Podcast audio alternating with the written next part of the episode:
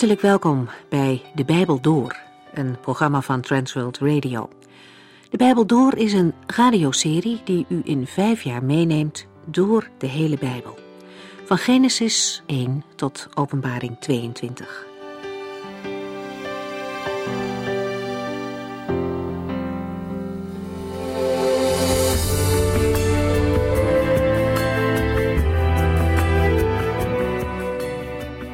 Vandaag beginnen we met een boek uit het Oude Testament van de profeet Haggai. Als we het hebben over ons zorgen maken en dat we druk zijn met van alles en nog wat, dan hoeven we u niet zoveel uit te leggen.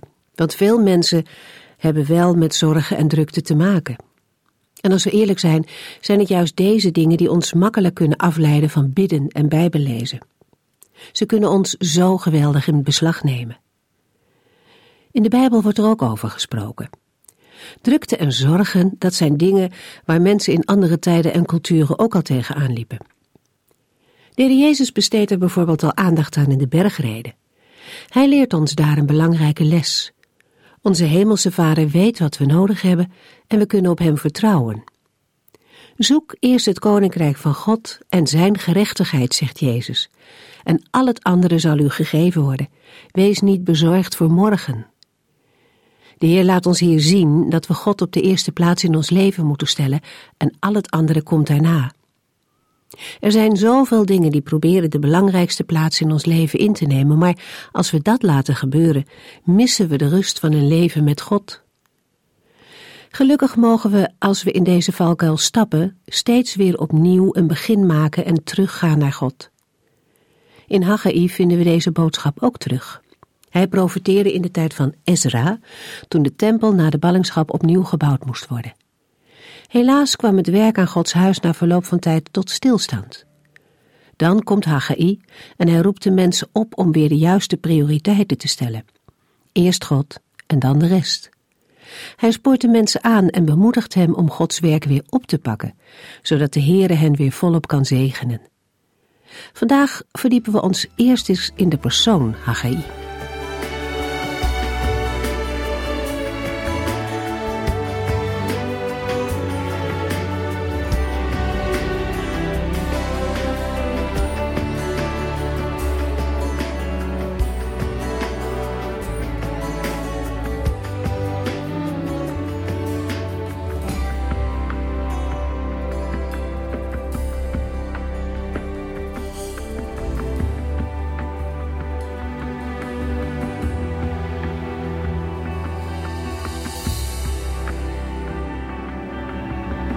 In een aantal Bijbelcommentaren begint de bespreking van het Bijbelboek Haggai met de vraag: Hoort Haggai nu tot de kleine of tot de grote profeten?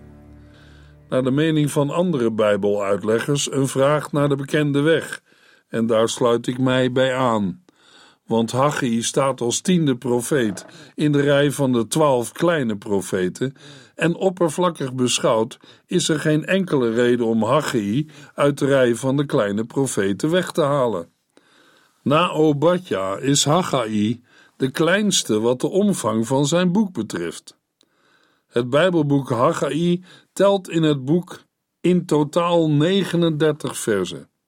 Het Bijbelboek Haggai bevat twee hoofdstukken waarin vier korte toespraken worden weergegeven en twee ervan zijn op één en dezelfde dag gehouden. Als we het optreden van de profeet Haggai beperken tot wat wij in het Bijbelboek Haggai lezen, dan treedt de profeet maar drie dagen in het openbaar op. De eerste keer treedt hij op op de eerste dag van de zesde maand van het tweede regeringsjaar van koning Darius I. En voor het laatst op de 24ste dag van de negende maand van koning Darius' tweede regeringsjaar. In aanduidingen van onze jaartelling kunnen we zeggen: het optreden van de profeet Haggai valt in de periode van eind augustus tot half december van het jaar 520 voor Christus. Binnen vier maanden speelt alles wat wij van de profeet Haggai weten zich af. En als we deze gegevens leggen naast de tijd van het optreden van de profeet Daniel of naast de omvang van de profetieën van Jesaja, dan stelt Haggai niet veel voor. Inderdaad, een kleine profeet. En dat beeld van Haggai lijkt ook te worden bevestigd door de inhoud van zijn kleine Bijbelboek. Een Bijbeluitlegger schrijft in zijn commentaar over Haggai Haggai hoort samen met zijn iets latere tijdgenoot Zacharia tot de profeten van wie de Bijbelboeken het minst begrepen en daarom vaak het minst gelezen worden. Als kanttekening moeten we daarbij opmerken dat deze typering, wat de profeet Zacharia betreft, achterhaald is, omdat de gebeurtenissen met betrekking tot de staat Israël en in het bijzonder de Golfoorlog van 1991 sterk de aandacht hebben gericht op de profetieën van Zacharia.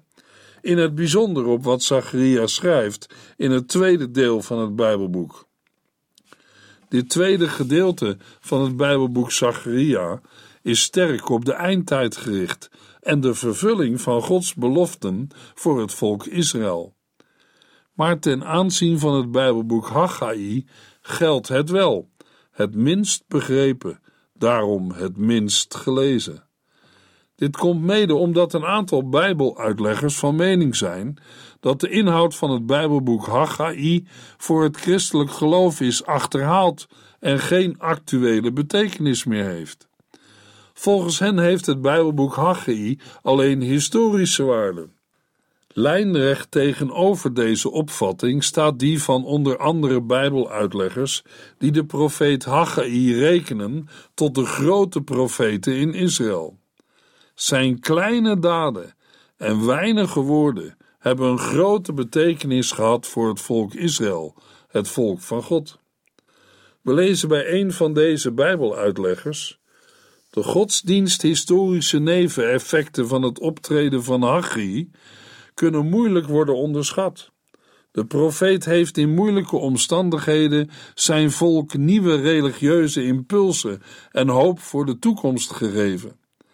Hij heeft echter ook aan het Jodendom een godsdienstig krachtcentrum geschonken, dat het verstrooide volk samenbond en dat in de volgende eeuwen van beslissende betekenis voor de nationale en religieuze eenheid bleek te zijn. De profeet Haggai is wel een van de kleine profeten, maar van grote betekenis. Daarin wordt duidelijk dat het Gods werk is. Het is zijn welbehagen dat gestalte krijgt in het optreden van gewone mensen, die de Heer als instrumenten in zijn handen gebruikt. Dat past helemaal bij de stijl waarin de Heer werkt en zijn weg gaat met mensen en volken. We lezen in Deuteronomium 7, vers 6 tot en met 10, waar Mozes tegen het volk Israël zegt: Want u bent een heilig volk, gewijd aan de Heere, uw God. Hij heeft u uit alle volken op aarde uitgekozen om zijn kostbaarste bezit te zijn. Niet omdat u een groter volk was dan de anderen, heeft de Heer u uitgekozen, want u was het kleinste van allemaal. Hij deed dat omdat hij zoveel van u houdt en zijn belofte aan uw voorouders hield. Daarom bevrijdde hij u uit de Egyptische slavernij, met zo'n vertoon van macht en grote wonderen. Weet daarom dat de Heere, uw God, de enige God en ook een trouwe God is, die aan duizenden generaties zijn belofte waarmaakt en zijn liefde toont aan hen die van hem houden en zijn geboden gehoorzamen. Maar zij die hem haten, zullen in het openbaar worden gestraft en vernietigd. Hij zal persoonlijk met hen afrekenen. In welke tijd heeft het optreden van de profeet Haggai plaatsgevonden? Haggai geeft daarvoor een aantal aanwijzingen. We lazen al in vers 1 dat het gaat om het tweede jaar van koning Darius I. Hij is de koning van het Medo-Persische wereldrijk, de koning die we kennen uit het Bijbelboek Daniel, en in het bijzonder in verband met de geschiedenis van Daniel in de leeuwenkuil. Het zegt al heel wat dat de gebeurtenissen in Jeruzalem niet worden gedateerd naar de koningen op de troon van David, maar naar de koningen op de troon in Babel. Jeruzalem ligt in bezet gebied. Het Joodse volk leeft onder vreemde overheersing. Het is de tijd na de ballingschap. Dat is niet alleen een negatieve aanduiding, het betekent dat het wereldrijk Babylonië is ondergegaan. Het wereldrijk dat onder koning Nebukadnessar ook Juda en Jeruzalem had veroverd, de tempelschatten geroofd heeft en de tempel zelf door brand verwoest. Het wereldrijk dat de Israëlieten heeft gedeporteerd is ondergegaan en de nieuwe machthebbers voeren een andere politieke koers. Koning Cyrus, in de Bijbel ook wel koning Chorus genoemd, heeft in 539 voor Christus aan de Joden in ballingschap, maar ook aan ballingen van andere volken, toestemming gegeven om terug te keren naar hun vaderland en daar de heiligdommen weer op te bouwen. Koning Cyrus of Kores heeft voor dat doel zelfs subsidies uit de staatskas beschikbaar gesteld. En met groot enthousiasme zijn tienduizenden Joden naar Israël vertrokken om stad en land opnieuw in bezit te nemen en te herbouwen. In sommige psalmen, zoals in Psalm 126, vinden we daar nog iets van terug. Als de Heere de ballingen laat terugkomen in Jeruzalem, zal het net zijn of wij dromen. Dan breken wij uit in gejuich en iedereen lacht van blijdschap. Dan zullen zelfs de ongelovige volken rondom ons zeggen dat de Heere wonderen bij ons doet. De teruggekeerde ballingen zagen er de hand van de Heer in. En dat was ook zo. God bracht zijn volk terug en toonde daarmee dat de Heere doet wat hij zegt en in genade naar zijn volk wil omzien. Toen de ballingen in Jeruzalem arriveerden, was dat ook een van de eerste dingen die ze deden: het herstellen van het brandofferaltaar op het tempelplein. Om daar te midden van de zwart geblakerde en met onkruid overgroeide puinhopen van de tempel de Heere offers te brengen. Maar al snel daarna was de grote onnuchtering gekomen. Het was maar een klein groepje. In het Bijbelboek Nehemia worden de teruggekeerde ballingen door hun vijanden, afhankelijk van de Bijbelvertaling, spottend aangesproken met aanmächtige Joden, machteloze Joden of zielige Joden. Een groot deel van hun landgenoten waren achtergebleven omdat zij in Babel tijdens de ballingschap een goed bestaan hadden opgebouwd. Ze hadden bij het land dat de Heer aan hun voorouders had beloofd en waarin zij nog steeds een erfdeel hadden, geen belang meer. En de Samaritanen, een volk ontstaan uit de vermenging van achtergebleven Joden en naar Canaan gedeporteerde heidenvolken, zaten de Joden dwars bij de wederopbouw van de stad Jeruzalem en de tempel. De teruggekeerde ballingen merkten dat ze in bezet gebied leefden. De tegenstand en opstand van de Samaritanen was er al vanaf het begin. Zij wisten de machthebbers in Babel zo ver te krijgen dat er een bouwverbod werd afgekondigd op de herbouw van de muren van Jeruzalem. Verder was het in Babel ook politiek onrustig geweest. Na de dood van Cyrus was Cambyses koning geworden. En nadat hij was vermoord, ontstond er een strijd om de macht die door Darius werd gewonnen. Na een aantal veldslagen had Darius al zijn concurrenten uitgeschakeld en daarmee het koningschap verworven en werd hij de nieuwe machthebber. Maar tijden van politieke onrust zijn voor een wederopbouw van een land niet erg geschikt. Ook economisch ging het slecht. Misoogsten troffen het land jaar op jaar en veroorzaakten voedselschaarste en hoge prijzen. Kortom, het viel de teruggekeerde ballingen allemaal bitter tegen. De alledaagse werkelijkheid vormde een scherpe tegenstelling met de hooggestemde verwachtingen. Die waren gewekt door de profetieën van de profeten Jesaja en Ezekiel.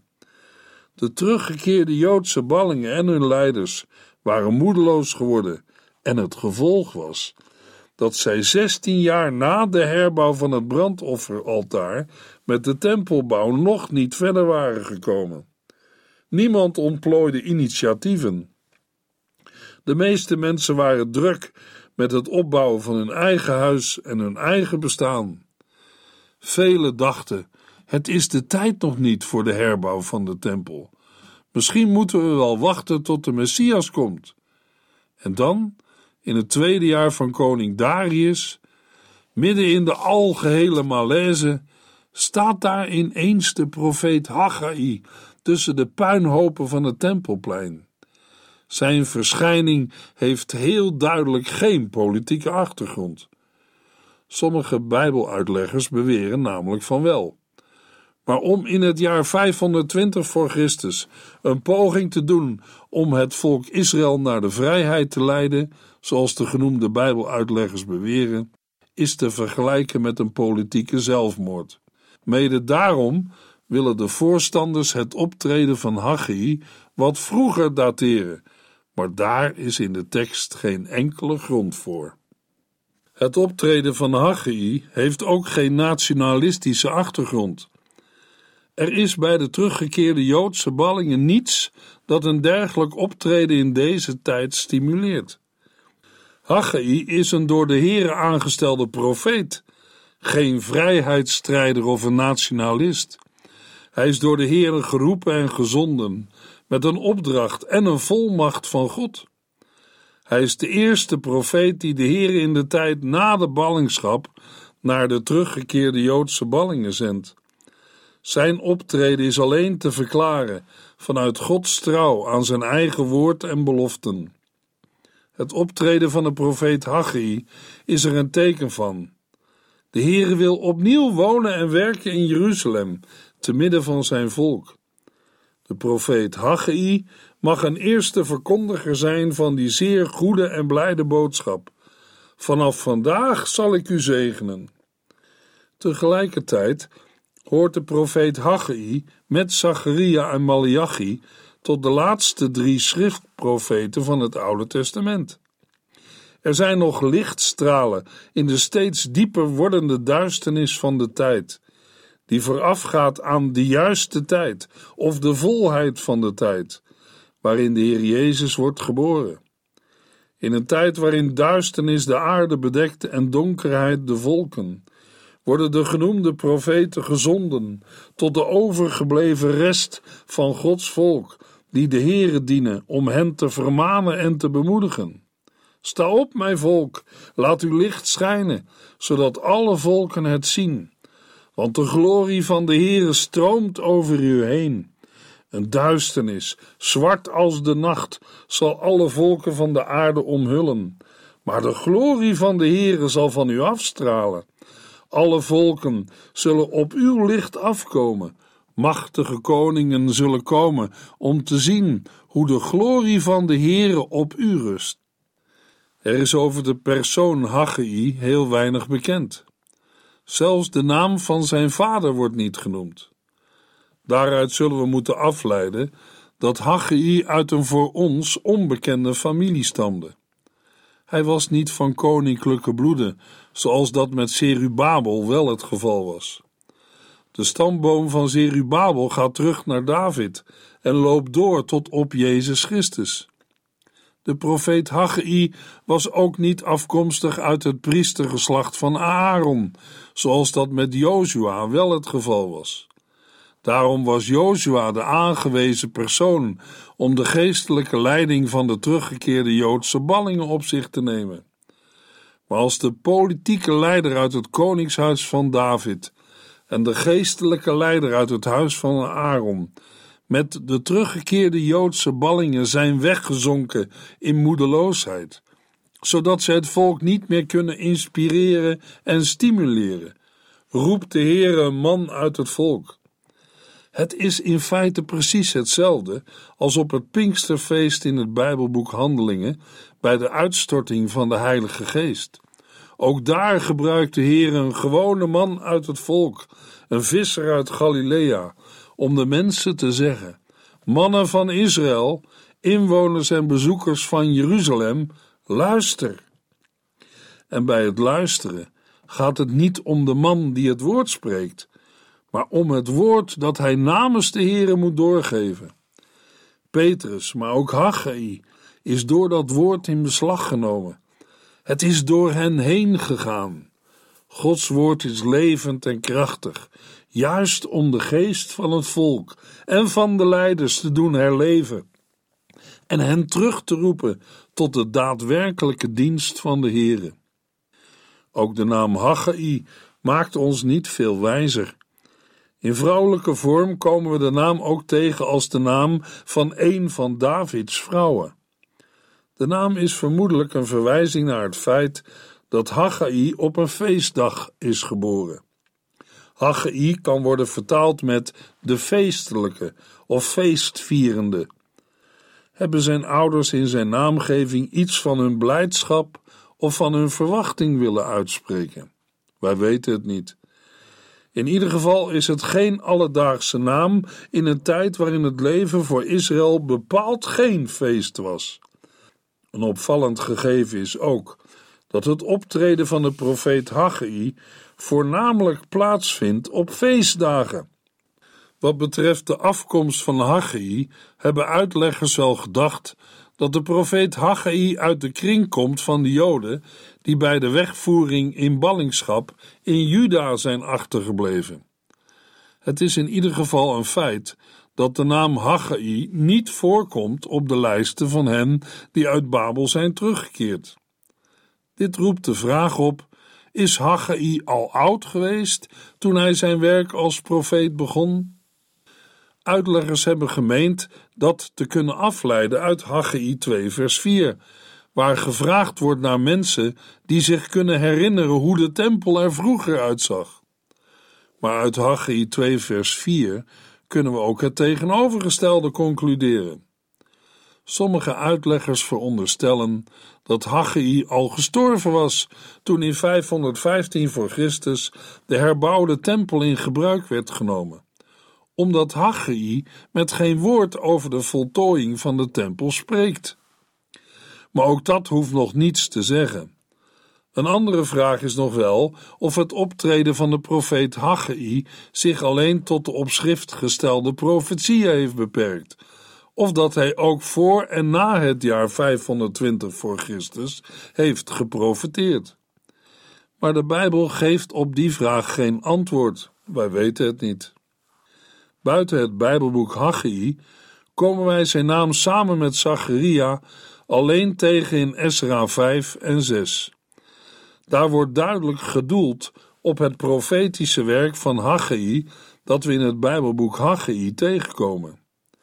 Zoveel is zeker. Haggai is een profeet geweest die door de Heer is geroepen om met ambtelijke volmacht Gods woord te spreken tot het volk. Mogelijk is hij door de Heer maar heel kort aangesteld. Waarschijnlijk als een man die door God geroepen is in een tijd waarin de officiële ambtsdragers en leiders het hebben laten afweten. Mogelijk heeft de Heere de profeet Haggai alleen willen gebruiken voor die ene taak: een geestelijke hervorming te bewerken onder de teruggekeerde Joodse ballingen. Misschien mogen we hem vergelijken met Johannes de Doper, ook een man met maar één opdracht de Heer Jezus zegt van hem in Johannes 5, vers 35: Johannes was een helder schijnende lamp, en u hebt een korte tijd van dat licht genoten. Toen Haggai zijn opdracht had vervuld en het doel was bereikt, is hij doorgegaan op Gods weg. Alleen wij weten niet hoe. De Heer is daar vrij in. De een wordt geroepen tot een levenslange dienst die heel zijn leven, ook zijn huwelijks- en gezins- en maatschappelijk leven omspant.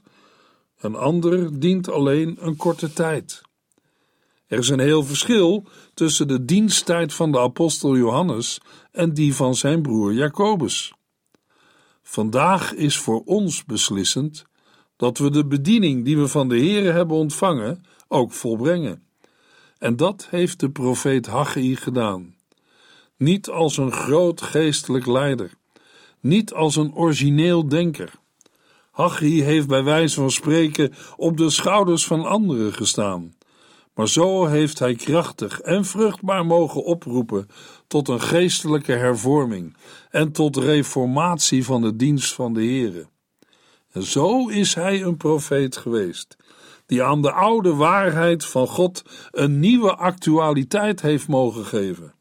Wonderlijk dat de Heere juist daarvoor vaak heel gewone en verder onbekende mensen gebruikt.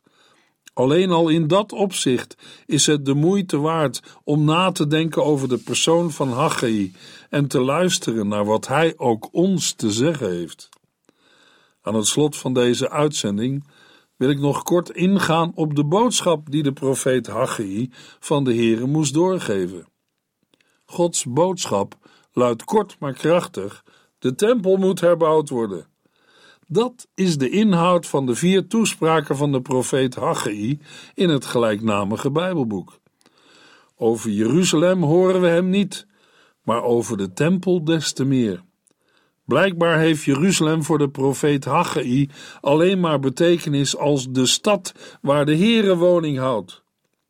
Want als de Heere daar niet zijn woonplaats had gekozen, dan was en is Jeruzalem niet van belang, niet meer of minder dan iedere andere stad op de wereld. Zonder aanzien des persoons spreekt Haggai Serubabel, de gouverneur van Juda, de hoge priester Jozua en de gewone man in de straat aan. We lezen in Haggai 1 vers 2 De Heere van de hemelse legers vraagt u, waarom zegt dit volk dat het nog geen tijd is om mijn tempel te herbouwen? En in vers 4 is het voor u dan wel tijd om in uw luxueuze huizen te wonen, terwijl mijn tempel in puin ligt? Waarom mislukt de oogst? En waarom loont de handel niet? Omdat het volk nalatig is in het herbouwen van de tempel. Als de tempel weer herbouwd is en functioneert als het geestelijke middelpunt van Israël, kan er weer sprake zijn van zegen en voorspoed. Als de Heere weer in het midden van zijn volk woont en vanuit zijn heilige woning vrede en heil schenkt. Dat is in geestelijk opzicht ook een actuele boodschap voor ons land. In de volgende uitzending gaan we lezen in Haggai 1, vers 1 tot en met 4.